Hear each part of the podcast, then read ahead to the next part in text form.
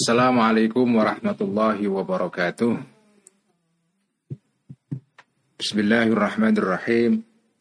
Alhamdulillahi rabbil alamin wassalatu wassalamu ala asyrafil anbiya'i wal mursalin sayyidina wa habibina wa maulana wa qurrati a'yunina Muhammadin wa ala alihi wa ashabihi wa man tabi'ahum bi ihsanin ila yaumiddin. Rabbi syrah li sadri wa yassir li amri واحلل عقدة من لساني يفقه قولي رب زدنا علما وارزقنا فهما آمين ya rabbal alamin amma ba'd Teman-teman semua, mari kita ngaji kitab Ihya sesudah sekian minggu eh, kosong dan prei kita akan lanjutkan lagi dan eh, mohon maaf karena sering libur akhir-akhir ini ya Uh, seperti biasa mari kita mulai ngaji ikhya ini dengan bacaan surat Al-Fatihah. Kita hadiahkan kepada junjungan kita Nabi besar Muhammad sallallahu alaihi wasallam. Wa ila arwahil anbiya wal mursalin wa ila arwahil awliya wa syuhada'i was salihin. Wa ila arwahil ulama'i salihin wal muallifin wal musannifin khususan la ruhi sultanil awliya asy'adul qadir al-jilani وإلى روح سيد الطائفة الإمام الجناد البغدادي وإلى روح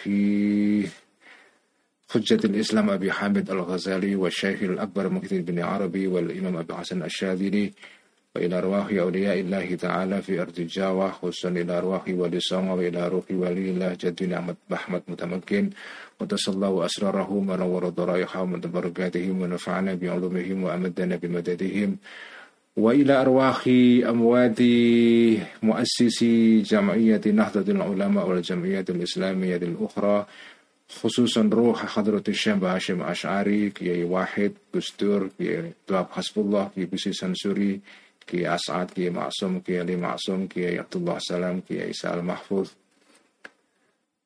Wa ila ruhi abi Abdullah Rifai wa ruhi ummi nyai Salamah wa ruhi ummi nyai Fatmah wa farallahu dunubahum satara ayubahum ya darajatihim. Dan mohon hadiah Al-Fatihah untuk dikirimkan kepada ayah dari santri online yang paling banyak membantu teman-teman selama ini dengan menuliskan teks di dalam kolom komentar di Facebook yaitu Mas atau saya memanggilnya Kiai uh, Muhammad Akram Solihin. Uh, bapaknya Kiai Akram meninggal ya sekitar seminggu atau dua minggu yang lalu uh, yaitu almarhum Bapak Kiai Muhammad Solihin semoga Allah mengampuni segala kesalahan-kesalahannya mengganjar segala kebaikan-kebaikannya dan semoga diberikan tempat yang paling terbaik di alam barzakh dan juga nanti di alam setelah uh, kebangkitan. Lahum jami'an al-Fatihah. A'udzu billahi minasyaitonir rajim. Bismillahirrahmanirrahim. Alhamdulillahi rabbil alamin arrahmanir rahim maliki yaumiddin. Iyyaka na'budu wa iyyaka nasta'in. Ihdinas siratal mustaqim, siratal ladzina an'amta 'alaihim ghairil maghdubi 'alaihim waladdallin. Amin. Bismillahirrahmanirrahim. Qala al-muallif rahimahullahu taala wa nafa'ana bihi wa bi 'ulumihi fid dharain. Amin rabbi yassir wa a'in. Kitab Ihya uh, jilid kelima halaman 687 edisi Darul Minhaj ya. Bayanu asbabil hasadi wal munafasati. Ay hadza bayanu asbabil hasadi wal munafasati. Ini adalah penjelasan tentang sebab-sebabnya hasud wal munafasati dan munafasah yaitu uh, sikap merasa disaingi. Jadi kemarin diterangkan uh, dalam bagian yang sebelumnya ada dua sikap yang dimiliki manusia ketika temannya itu atau orang lain mendapatkan nikmat ya Sikap yang pertama adalah hasut. Hasut itu dengki ya. Kita tidak suka nikmat yang diperoleh oleh orang lain dan kita berharap nikmat itu hilang karena jenengan merasa ketinggalan atau merasa diungguli karena orang lain itu mendapatkan nikmat itu. Terutama jika orang lain itu setara dengan kita. Sepantaran dengan kita, tiba-tiba dapat nikmat, posisinya, statusnya kemudian melangkai kita, nyalip itu.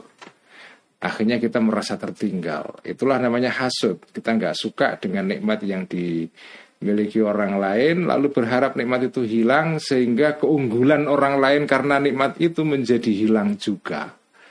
Lalu jenengan merasa setara lagi dengan orang itu terus plong lego itu ya itu namanya hasut itu. Nah kalau munafasah itu tidak munafasah itu jenengan tidak benci tidak dengki kepada nikmat yang diperoleh teman sampean itu tetapi sempat merasa tersaingi lalu berusaha keras untuk mendapatkan nikmat yang sama. Jadi munafasa ini adalah eh, apa ya eh, sikap yang positif karena dengan sikap ini jenengan terdorong untuk mengejar ketertinggalan. Jenengan kemudian menjadi produktif ya. Berusaha keras mencapai hal yang sama yang diperoleh oleh teman eh, Anda itu. Jadi munafasah ini positif, hasud itu negatif ya. Nah sekarang uh, Al Ghazali ingin menjelaskan sebab-sebab yang menimbulkan hasud dan munafasah ya. Munafasah dan hasud itu sikap yang hampir mirip-mirip sebetulnya. Karena intinya adalah jenengan itu merasa tersaingi oleh orang lain Gara-gara orang lain itu mendapatkan nikmat dari Allah. Amal munafasatu. Adapun Munafasah, fasababuha maka sebabnya munafasah itu adalah hubbu mafihi, kesampaian itu Anda mencintai, menghasrati, menginginkan sesuatu fihi yang di dalam e, ma itu al munafasah itu ada sikap ada sifat munafasah. Jadi jenengan kepingin mendapatkan e, sesuatu yang sama yang diperoleh oleh orang lain hubbu ma fihil munafasa. Jadi jenengan menghasrati, menghendaki sesuatu yang itu memang diperebutkan oleh banyak orang. Karena itu fa'ingkana maka jika ada dalika sesuatu tadi yang menjadi rebutan itu amron perkara dinian yang bersifat keagamaan fasababuhu maka sebabnya zalik itu adalah hubbullahi mencintai Allah Ta'ala wa hubbu ta'atihi dan mencintai menaati Allah. Karena munafasah itu kan positif ya. Jadi munafasah itu adalah eh, sampean menghendaki hal yang sama, nikmat yang sama yang diperoleh oleh orang lain.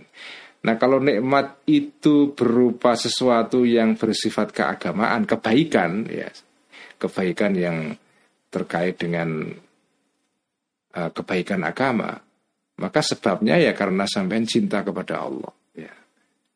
Jenengan mencintai Allah dan uh, mentaati Allah sehingga begitu orang lain mendapatkan nikmat berupa kemampuan melaksanakan ketaatan kepada Allah, jenengan terdorong untuk melakukan hal yang sama karena kecintaan sampean kepada Allah. Nggak mau kalah kira-kira gitulah ya. Wa ingkana dan jika ada dalika tadi itu duniawi yang sesuatu yang bersifat duniawi, maka fasababu sebabnya dalik adalah hubbu mubahati hubbu mubahati dunia. Yaitu mencintai, menghendaki sesuatu yang mubah atau sesuatu yang mubahnya dunia, dunia yang mubah maksudnya. Watanaumi dan men, dan ber dan menikmati biha terhadap mubahat. Jadi kalau kalau yang menjadi rebutan ya, sesuatu yang membuat sampean itu merasa tersaingi ya itu berkaitan dengan masalah keduniaan Ya sebabnya adalah karena jenengan mencintai, menik, menghasrati, menghendaki sesuatu yang bersifat duniawi itu. Jadi munafasa inti, inti intinya adalah sesuatu yang positif ya. Uh, sesuatu yang mubah ya. Kadang-kadang malah wajib kalau itu terkait dengan dengan kebaikan dalam agama jenengan malah justru diwajibkan merasa iri orang lain mendapatkan nikmat itu ya. Tapi iri di sini iri dalam pengertian jenengan terdorong untuk melakukan hal yang sama. Misalnya orang lain mampu apa um, membangun pondok pesantren misalnya. Dan jenengan orang yang juga punya kemampuan yang sama, tiba-tiba teman sampean membangun pondok pesantren. Ini kan terkait dengan kebaikan dalam agama. Nah, jenengan itu sudah seharusnya iri dalam pengertian iri jenengan kepingin melakukan hal yang sama membangun pondok pesantren, membangun madrasah, membangun perpustakaan misalnya, membangun panti asuhan dan seterusnya. Jadi munafasah ini tergantung objeknya. Kalau objeknya terkait dengan masalah-masalah keagamaan, ya malah justru itu diharuskan. Tapi kalau terkait dengan masalah-masalah duniawi, ya, ya itu sifatnya mubah saja. Ya. Wa inna manazaruna dan sesungguhnya telaah kami dalam bab ini al-ana sekarang itu adalah fil hasadi mengenai hasad, mengenai hasud al-madmumi yang dicela oleh agama. Dan titik masuknya ya titik-titik masuknya al hasadul mazmum kathiratun jiddan itu banyak sekali. Jadi hasud itu pintu masuknya memang banyak. Tetapi kalau mau diringkaskan, nah inilah apa namanya ya keistimewaan Imam Ghazali. Jadi salah satu ciri khas pemikir itu kan ketika melihat banyak hal itu tidak kemudian tenggelam di dalam banyak hal itu. Jenengan misalnya melihat banyak peristiwa kan bingung sendiri kan. Tapi kalau orang yang cerdas ketika melihat fenomena begitu banyak itu kemudian dikategorikan itu. Jadi tidak tidak membuat bingung karena setelah dikategorikan sebetulnya hal yang banyak itu bisa di bisa di apa digolong-golongkan ke dalam misalnya hanya sedikit saja dalam sekian kategori misalnya walaupun datanya itu ribuan, tapi setelah dikategorikan ya dia mungkin hanya masuk dalam 3, 4, 5 kategori sehingga mudah diingat itu ya.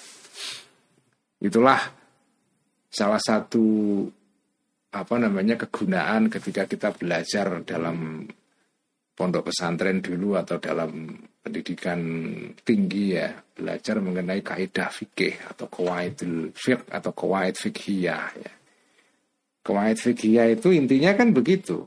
Masalah fikih itu tema-tema yang dibicarakan dalam fikih itu kan ribuan.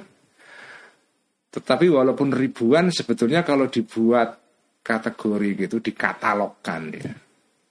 Seperti seorang ahli biologi ya, melakukan taksonomi, menggolong-golongkan itu ya sesuatu yang banyak tapi kalau digolong-golongkan ke dalam beberapa kategori sebetulnya itu tidak banyak. Itu bisa diringkas menjadi sekian kategori saja lalu mudah diingat. Itulah namanya kawaid fikih itu sebetulnya ya hasil dari kegiatan menggolong-golongkan itu ya.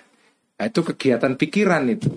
Dan biasanya kegiatan seperti ini hanya bisa dilakukan oleh seorang ulama yang yang punya kemampuan kemampuan tajrid, kemampuan abstraksi. Tajrid itu abstraksi, jadi sesuatu yang semula itu konkret banyak diabstraksikan, diperes, diperes jadi tinggal 3, 4, 5 kategori. Jadi titik masuknya hasad itu banyak sekali walakin yakhsul tetapi membatasi jumlah terhadap keseluruhannya madakhil tadi sab'atu asbabin tujuh sebab saja. Nah, inilah ini namanya taksonomi, penggolongan. Penggolongan. Nah, ini kegiatan yang tidak semua orang bisa. Kalau orang tidak punya kemampuan melakukan penggolongan taksonomi, bingung dia menghadapi banyak hal ini, janjinya gimana? Apa hubungan antara satu peristiwa dengan peristiwa yang lain? Antara satu data dengan data yang lain?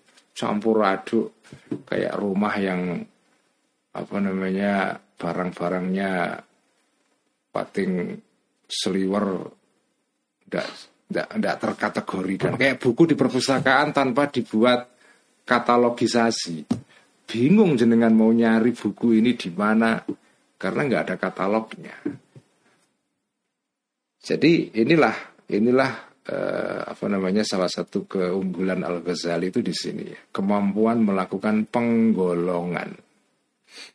Jadi hasud itu sebabnya banyak, tetapi kalau diringkas ada tujuh. Pertama al adawatu sifat permusuhan, wa ta'azzuzu dan merasa tinggi, merasa paling unggul itu ya.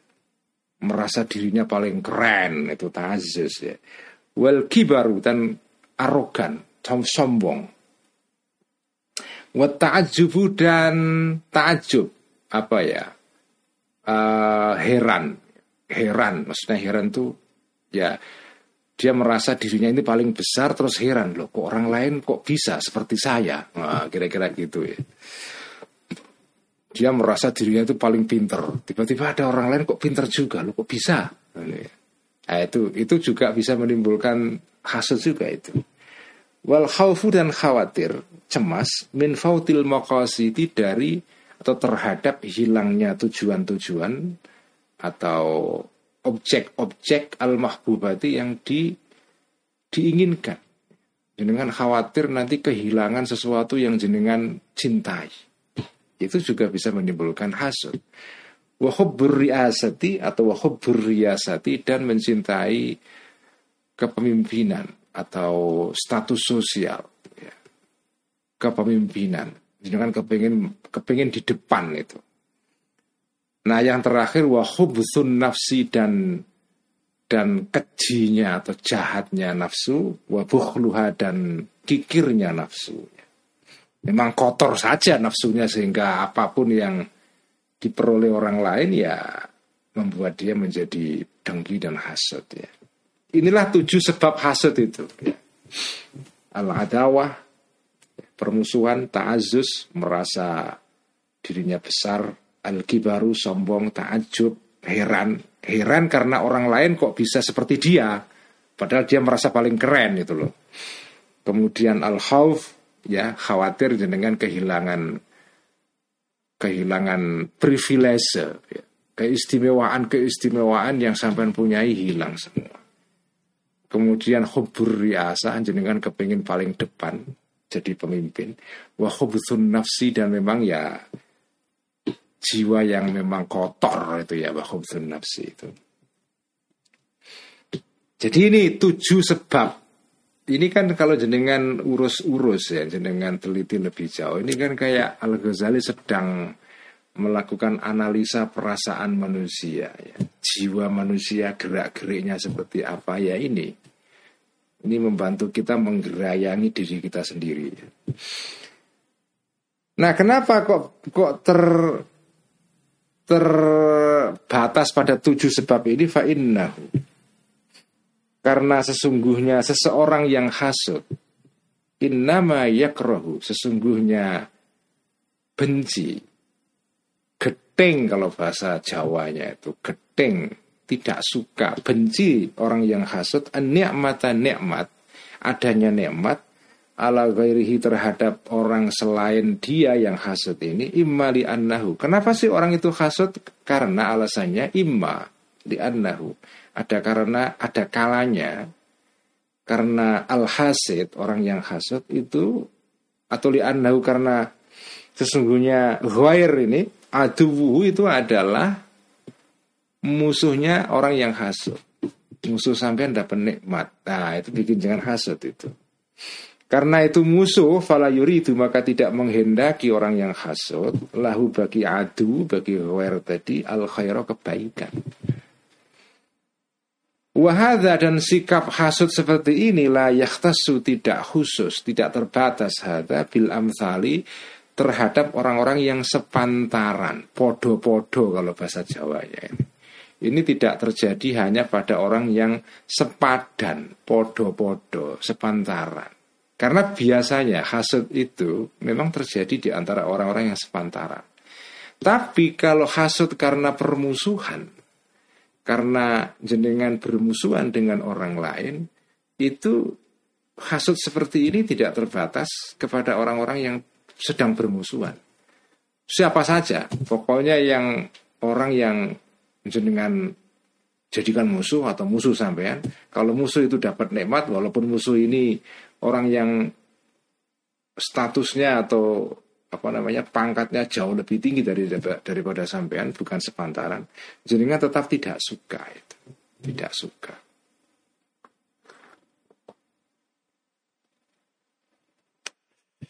Hmm.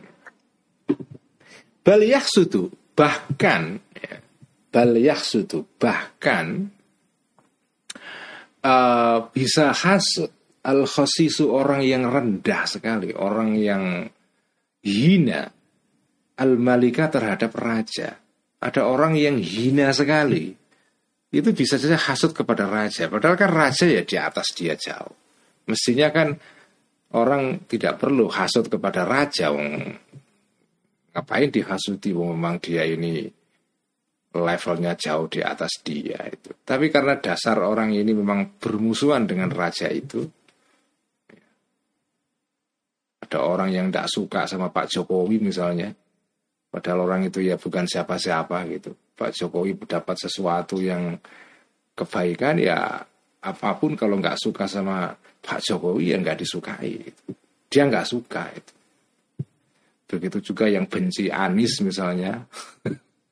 apa pun yang diperoleh oleh Pak Anies oleh musuhnya walaupun musuhnya ini bukan siapa-siapa ya akan dia akan benci itu nah, itulah al adawah itu ya begitu itu sifatnya itu bima'na annahu dalam pengertian sesungguhnya orang yang hasut ini yuhibbu menghendaki menyukai orang yang hasut ini zawala ni'matihi hilangnya nikmatnya uh, goer atau adu tadi itu. Likaunihi karena adanya orang yang hasad ini mubghidon marah, marah, uh, dendam uh, lahu kepada goer kepada musuhnya tadi itu bisa babi isaati karena berbuat jahatnya goer atau adu musuhnya tadi itu ilahi kepada orang yang hasut karena dia pernah diperlakukan jelek dijahati oleh musuhnya itu. Makanya dia benci. Atau atau musuhnya ini tidak berbuat jahat kepada dia tetapi au ilaman atau berbuat jahat kepada orang yuhibbu yang mencintai orang yang hasut ini hu kepada man. Inilah sebabnya hasut karena adawah itu. Pertama ya, ini contoh tadi kan penjelasan globalnya sekarang dirinci oleh Al-Ghazali. Ini di dalam ilmu retorika Arab atau ilmu balaghah namanya, ilmu retorika, ilmu cara ngomong dan menulis dengan baik. Ya. Itu disebut dengan al-badi' yaitu gaya bahasa yang disebut dengan al-lafu wan nashru ya.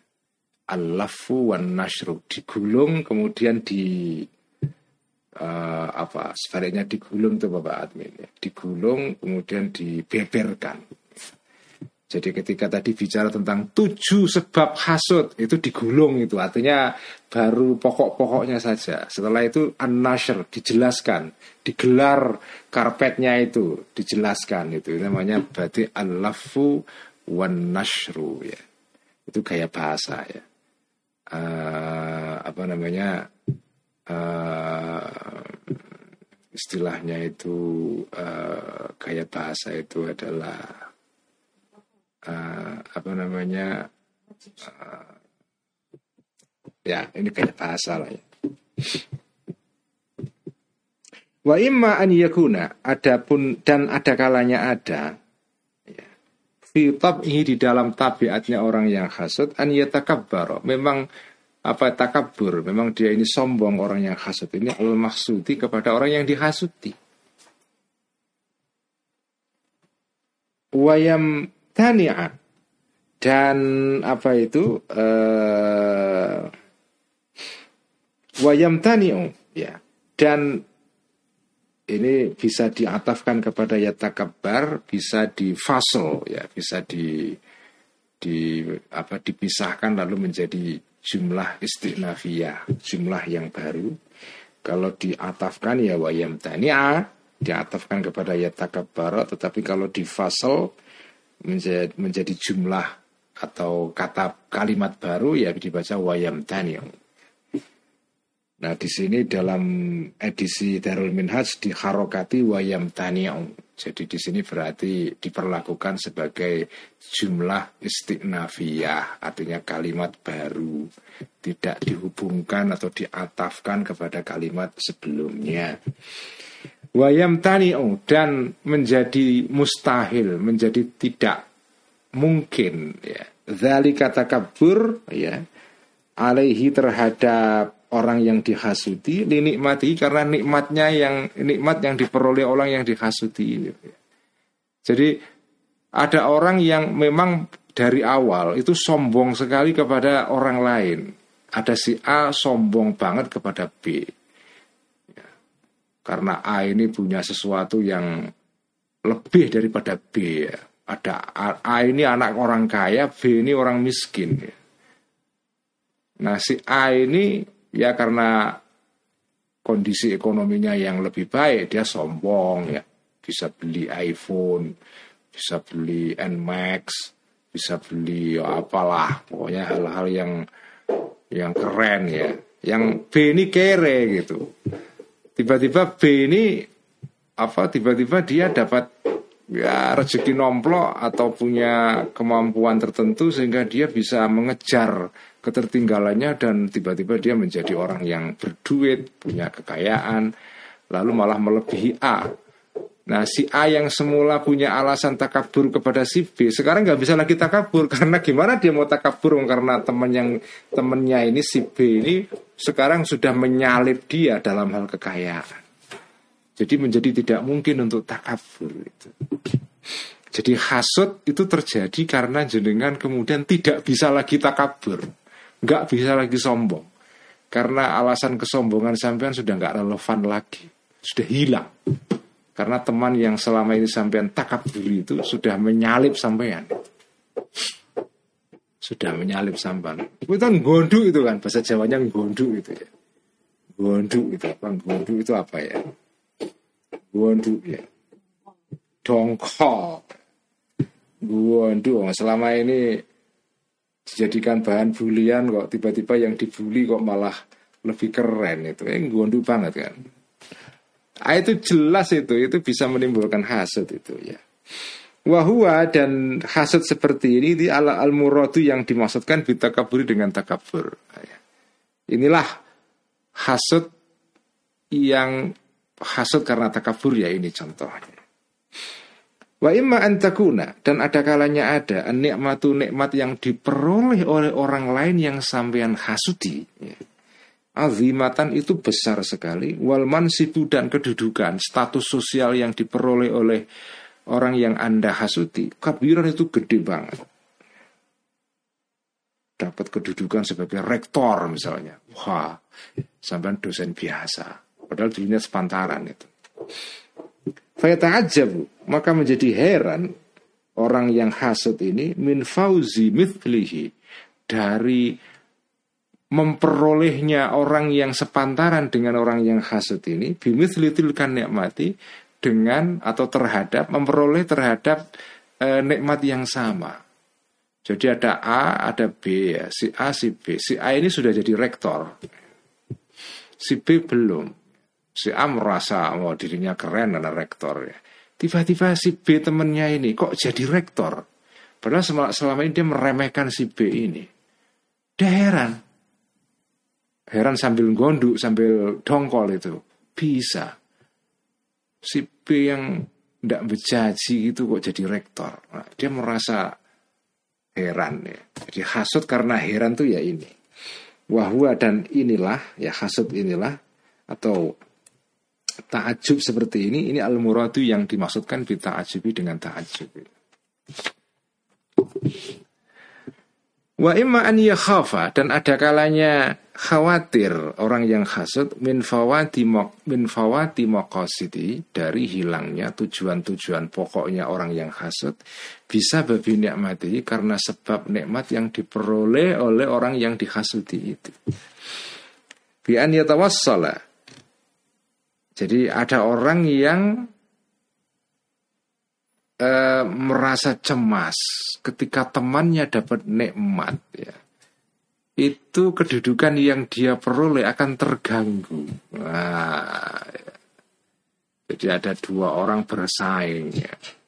Si A dan si B bersaing. Nah si A ini itu sementara unggul dia, dia punya privilege, ya, punya keunggulan-keunggulan. Ya.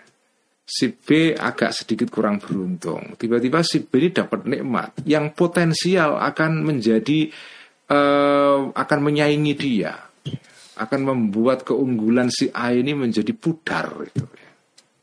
Nah ini namanya apa namanya khawful khawfu fawatil maqasid ya. Bi an yatawassala dengan cara uh, apa menjadikan menjadikan sampai ya atau menjadikan wasilah seseorang yang dihasuti tadi itu biha dengan nikmat yang dia peroleh uh, me, me, apa menjadikan wasilah untuk ila muzahamatihi untuk me, menyaingi mendesak orang yang di orang yang hasut ya fi agrodi di dalam tujuan-tujuannya orang yang hasut ya tadi itu ya. Dengan merasa khawatir karena teman sampean mendapatkan nikmat dengan nikmat itu jenengan cemas orang ini akan menyaingi sampean muzahama akan bisa mendesak sampean, memojokkan sampean, kemudian sampean menjadi uh, terpinggirkan. Wa imma an yakuna dan ada kalanya ada orang yang hasud ini yuhibbu menyukai, menghasrati orang yang hasud ar-riasata kepemimpinan. Allati tambani yang yang apa itu yang uh, yang berdiri Allah ditambani yang tersandarkan ya. alal ikhtisasi terhadap atau yang didasarkan yang apa itu bergantung alal ikhtisasi terhadap uh, kekhususan ya, privilege ya bini amatin terhadap nikmat tertentu la yusawi la yusawa yang tidak di, bisa disamai orang yang hasut ini via di dalam uh, atau la yusawa uh, yang tidak bisa disamai fiha di dalam nikmat. Fiha ini jadi menjadi uh, naibul fa'ilnya yusawa ya. Atau la yusawi yang tidak bisa menyamai orang yang hasut fiha di dalam nikmat. Itu juga bisa dibaca mabni maf'ul atau mabni uh, ma'lum ya mabni alal fa'il jadi hasud di sini terjadi karena sampai ini kepingin menonjol jadi pemimpin nah kepemimpinan ini itu membutuhkan nikmat tertentu atau apa jenengan bisa jadi pemimpin itu kan karena keunggulan tertentu keunggulan tertentu yang yang tidak bisa disamai oleh orang yang lain. Kenapa sih orang jadi pemimpin? Karena karena karena kenapa orang kepe, kenapa orang bisa jadi pemimpin, bisa jadi pemuka? Karena di dalam dirinya ada sesuatu yang spesial yang tidak bisa disamai orang lain. Ada kualitas tertentu. Jadi riasa itu tambani alal ikhtisasi bini'amah Orang itu bisa jadi pemimpin karena dia punya nikmat tertentu, punya keunggulan tertentu yang dianugerahkan oleh Allah kepada dia. Tiba-tiba nikmat yang sama diperoleh orang lain, dia merasa tersaingi karena sampean kepengen di depan begitu ada orang lain punya nikmat yang sama, keunggulan yang sama, sampean merasa kepemimpinan sampean akan terdesak itu. Nah ini, ini hasut yang karena hubur riasa karena seseorang kepengen menjadi yang terdepan. Yang terdepan. Wa imma an yakuna. Dan ada kalanya tidak ada. Hasud itu bisa babin karena sebab min hadhil asbabi dari sebab-sebab ini semua. Jadi ada orang yang hasud bukan karena sebab-sebab ini, tetapi bali nafsi karena kotornya jiwanya orang bersangkutan wa dan meditnya dan kikirnya an-nafas bil khairi terhadap kebaikan li ibadillahi ta'ala kepada hamba-hambanya Allah ta'ala. Ya memang orang dasarnya nafsunya, jiwanya jahat saja. Sehingga apa pun yang diperoleh orang lain dia nggak terima itu. Wala buddha dan tidak bisa tidak min syarhi hadhil asbabi dari menjelaskan sebab-sebab tujuh semua ini di, di dijelentrehkan, diterangkan, dielaborasi satu persatu. Baik, sekarang kita masuk ke penjelasan tentang asbabul awal. Asbabul awal. Sebab yang pertama dari hasud adalah al-adawatu permusuhan wal dan kebencian kepada orang lain. Akan dijelaskan oleh Al-Ghazali. Wahada. Dan sebab ini adalah asyaddu asbabil hasadi. Paling beratnya sebab-sebab hasud ya. Paling berat, paling paling bahaya. Fa'innaman. Kenapa begitu? Fa'innaman. Karena sesungguhnya orang ada yang menyakiti hu kepada seseorang ini insanun manusia yang lain bisa babin karena sebab tertentu minal asbabi dari sebab-sebab yang banyak wakhalafa dan melawan ya, me, atau berbeda melawan hu kepada uh, man ya uh, wakhalafa dan melawan insan hu kepada man man yang hasut tadi itu fi di dalam tujuannya uh, man orang tadi biwazin dengan satu cara minal wujuhi dari beberapa cara maka Abu maka akan membuat marah ya. uh, insan tadi itu manusia yang membuat yang menyakiti tadi itu hu kepada man Abu Khodo maka uh, akan membenci mem, atau akan marah hu kepada insan qalbuhu hatinya failnya Abu Khodo qalbuhu hatinya man itu. Wa dan wa dan akan marah man tadi itu alaihi kepada insan. Warasakha dan tertancap dalam fi nafsi di dalam jiwanya man tadi itu al itu dengki wal hiktu dan dengki yaktazi menuntut hiktu itu atas uh, pemuasan. Apa itu? Pe, ya anu. Kedengkian itu menuntut untuk dendam balas dendam ya. Wal intiqama dan balas dendam.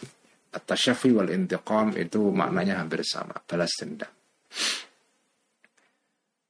Jadi sebab yang paling paling paling berbahaya dari hasud itu adalah al-has itu adalah al-adawah wal baghdha ya. Permusuhan. Dan kemarahan, kebencian sampean kepada orang lain. Ini adalah sebab yang paling besar dari hasud itu. Biasanya terjadi ketika ada seseorang menyakiti orang lain. Atau orang lain itu menyangkal dia. Orang lain ini menentang dia menghalangi dia untuk mencapai tujuan-tujuannya. Nah, ini bikin dia marah itu ya. Bikin dia eh, sakit hati dan bikin dia marah. Menimbulkan dengki yang dengki ini menuntut pembalasan dendam.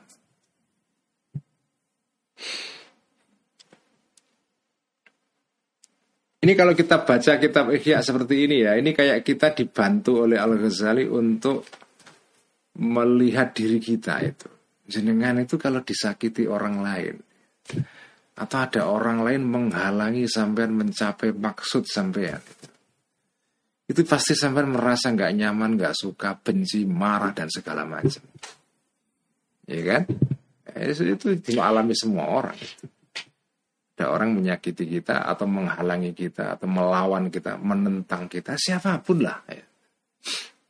Apalagi kalau sampai berkuasa. Sampai berkuasa terus ada orang lain menentang, pasti tidak suka. Walaupun sampean selama ini ngomong tentang oh, macam-macam lah, waktu sebelum berkuasa ngomong tentang pentingnya kritik, tentang pentingnya transparansi tentang pentingnya ini dan itu. Begitu sampean berkuasa, ada orang mengkritik, sampean pasti tidak suka. Ya, pasti tidak suka. Ya. Kalau sampean sedang tidak berkuasa, ngomong pentingnya kritik. Begitu sudah berkuasa, tidak mau dikritik. Itulah siklusnya manusia. Karena manusia tidak mau uh, di disangkal ya wa khalafahu ghairuhu ditentang oleh orang lain itu tidak mau dia. Walaupun walaupun dulunya dia berbicara tentang pentingnya kritik koreksi masukan macam-macam lah. Macam-macam. Ini sudah watak manusia itu.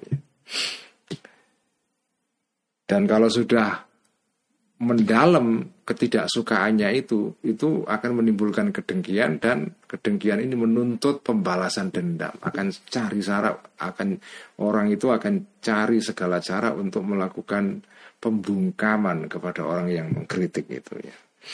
Fa'ina ajaza maka jika tidak mampu al itu orang yang marah tadi itu karena dikritik karena disakiti oleh orang lain an an untuk membalas dendam ya memuaskan dendamnya ini binafsi dengan dirinya orang ini ya ahabba maka menginginkan orang ini menyukai al mubghid tadi an yatashaffa untuk membalaskan dendam minhu terhadap uh, insan tadi orang lain yang menyakiti dia az-zamanu waktu.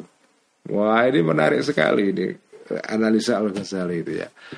Orang itu ketika dengki dia kepingin melampiaskan dendam kepada orang yang dia dengki. Nah kalau dia tidak bisa melampiaskan dendamnya langsung, mengeksekusi secara langsung oleh dirinya sendiri, dia kepingin waktu yang akan membalaskan dendam kepada orang itu. Wah. Jadi dia berharap kepada waktu, kepada sejarah. Kita tunggu sejarah untuk membalaskan dendam bagi saya. Jadi alih-alih dia berbuat sendiri, dia menunggu, dia dia menunggu sejarah. Dia menunggu hukum karma, kira-kira gitulah ya. Untuk bekerja pada suatu saat membalaskan dendamnya dia. Warubbama yuhilu dan kadang-kadang uh, me merujukkan, ya, mengembalikan orang yang hasut tadi itu zalika uh, pembalasan dendam itu terhadap ala karamati nafsi terhadap keunggulan, kemuliaan dirinya orang yang hasut indallahi di mata Allah. Jadi kadang-kadang ada orang yang merasa dirinya ini dicintai Allah karena dia merasa dirinya soleh. Ada orang merasa dirinya soleh atau orang ahli ibadah dan dia merasa dirinya dicintai oleh Allah, disakiti orang lain. Lalu dia naknek berkata kepada dirinya, aku ini dicintai Allah kok disakiti orang lain. Ini nanti Allah akan membalas dendam orang itu. Nah, membawa-bawa Allah sekala itu karena merasa dirinya orang soleh kan. Nah ini ini ya ini orang soleh yang keblinger ini. Jadi ada orang merasa dirinya dicintai Allah. Ketika disakiti orang lain, dia merasa orang lain itu menyakiti orang yang dicintai Allah gitu ya. Nah, karena itu famah ma'asabat, maka setiap saat atau ketika mengenai aduwahu terhadap musuhnya orang yang hasad, baliyatun cobaan. Fariha maka gembiralah orang yang hasad tadi itu biha karena cobaan itu. Wazanna dan mengira orang ini anda sesungguhnya cobaan itu adalah mukafaatun pembalasan lahu terhadap orang yang dihasuti min jihatillahi dari arahnya Allah ala buktihi terhadap bencinya apa itu uh, ala bukti terhadap bencinya orang yang hasut ini. Karena dia benci terhadap orang yang dia hasuti dan dirinya merasa dicintai oleh Allah. Dia merasa ketika orang lain itu dapat percobaan, dia merasa ini Ini bukti bahwa Allah ini mendukung saya. Buktinya apa? Orang itu dapat cobaan, dapat musibah karena dia membenci saya. Karena dia membenci saya. Karena saya benci dia, karena dia menyakiti saya. Ini apa ya pelajaran penting bagi kita ini. Jadi kan kalau merasa ya kalau jenengan itu jadi orang soleh terus jangan merasa dicintai Allah lalu kalau ada orang membenci sampean menyakiti sampean itu sampean merasa nanti Allah akan akan membalaskan dendam bagi sampean itu ya kepada orang itu. Itu jangan jangan itu ya ini terjadi sudah.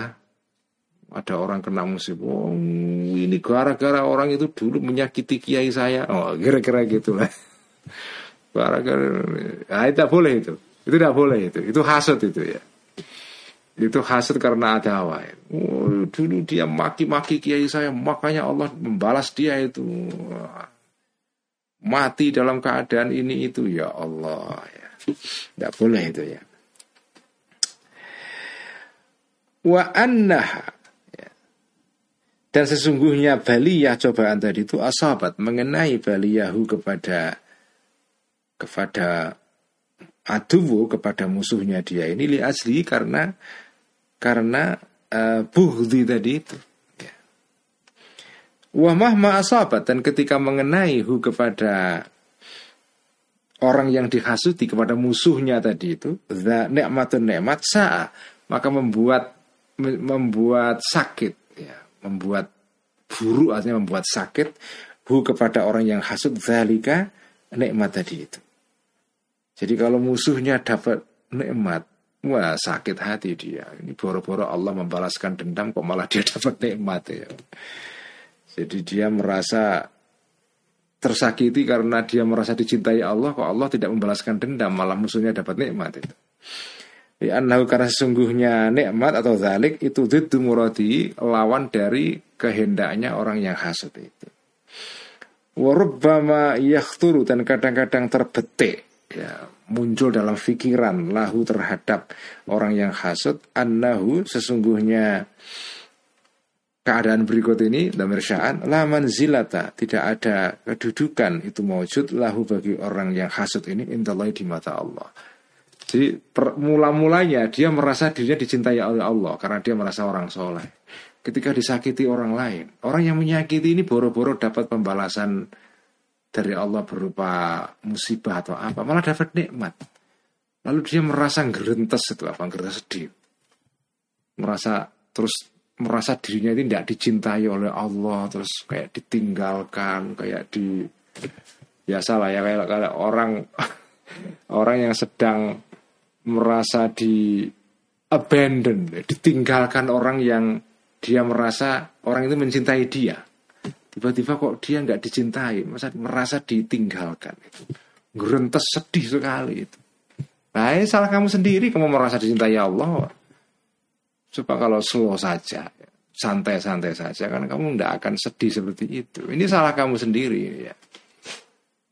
Itu namanya self inflicted wound ya uh, apa uh, apa namanya self inflicted wound itu uh, apa namanya ya apa itu uh, sakit yang ditimbulkan diri sendiri. Dengan dengan dengan menyakiti diri sendiri pada dasarnya. Ya, sampai merasa dirinya dicintai Allah tiba-tiba Allah tidak berbuat apa-apa kan sampai merasa kayak ditinggalkan oleh Allah gitu. Eh salah kamu sendiri itu. Dia merasa laman zilata lahu indallah haitsu lam yantakim sekiranya tidak membalaskan dendam Allah ini lahu bagi orang yang hasud ini min aduwihi terhadap musuhnya orang yang hasud alladzi ada yang menyakiti orang yang uh, apa orang yang dihasuti musuhnya tadi itu kepada orang yang hasut. Malah sebaliknya bal anama sebaliknya memberikan nikmat Allah alaihi kepada orang yang dihasuti musuhnya tadi. Inilah hasut karena ada wahwal baghdha ya. Sekian ngaji ikhya malam ini. Insya Allah nanti kita usahakanlah akhir minggu ini mulai lagi kuliah ikhya tematik ya. Mari kita tutup seperti biasa ngaji ikhya dengan bacaan salawat tibil kulub.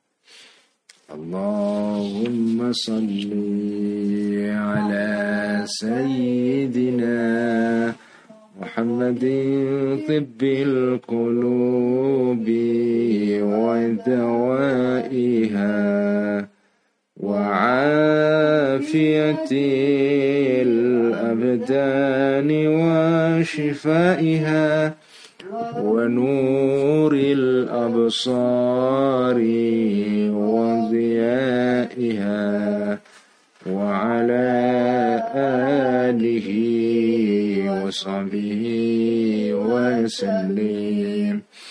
اللهم صلِّ على سيدنا محمد طب القلوب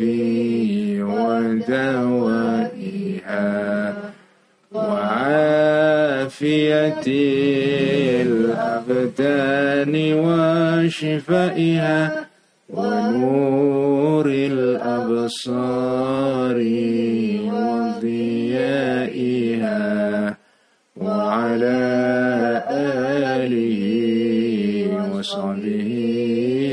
وسلم اللهم صل على سيدنا محمد طب القلوب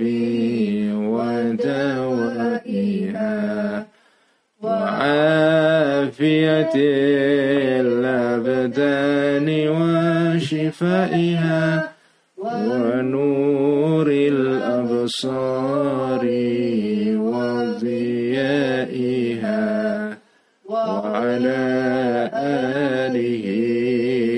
وصحبه وسلم sekian Assalamualaikum warahmatullahi wabarakatuh.